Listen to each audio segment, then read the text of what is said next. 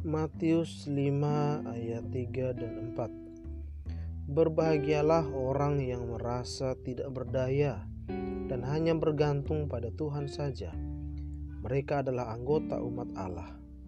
Berbahagialah orang yang bersedih hati, Allah akan menghibur mereka.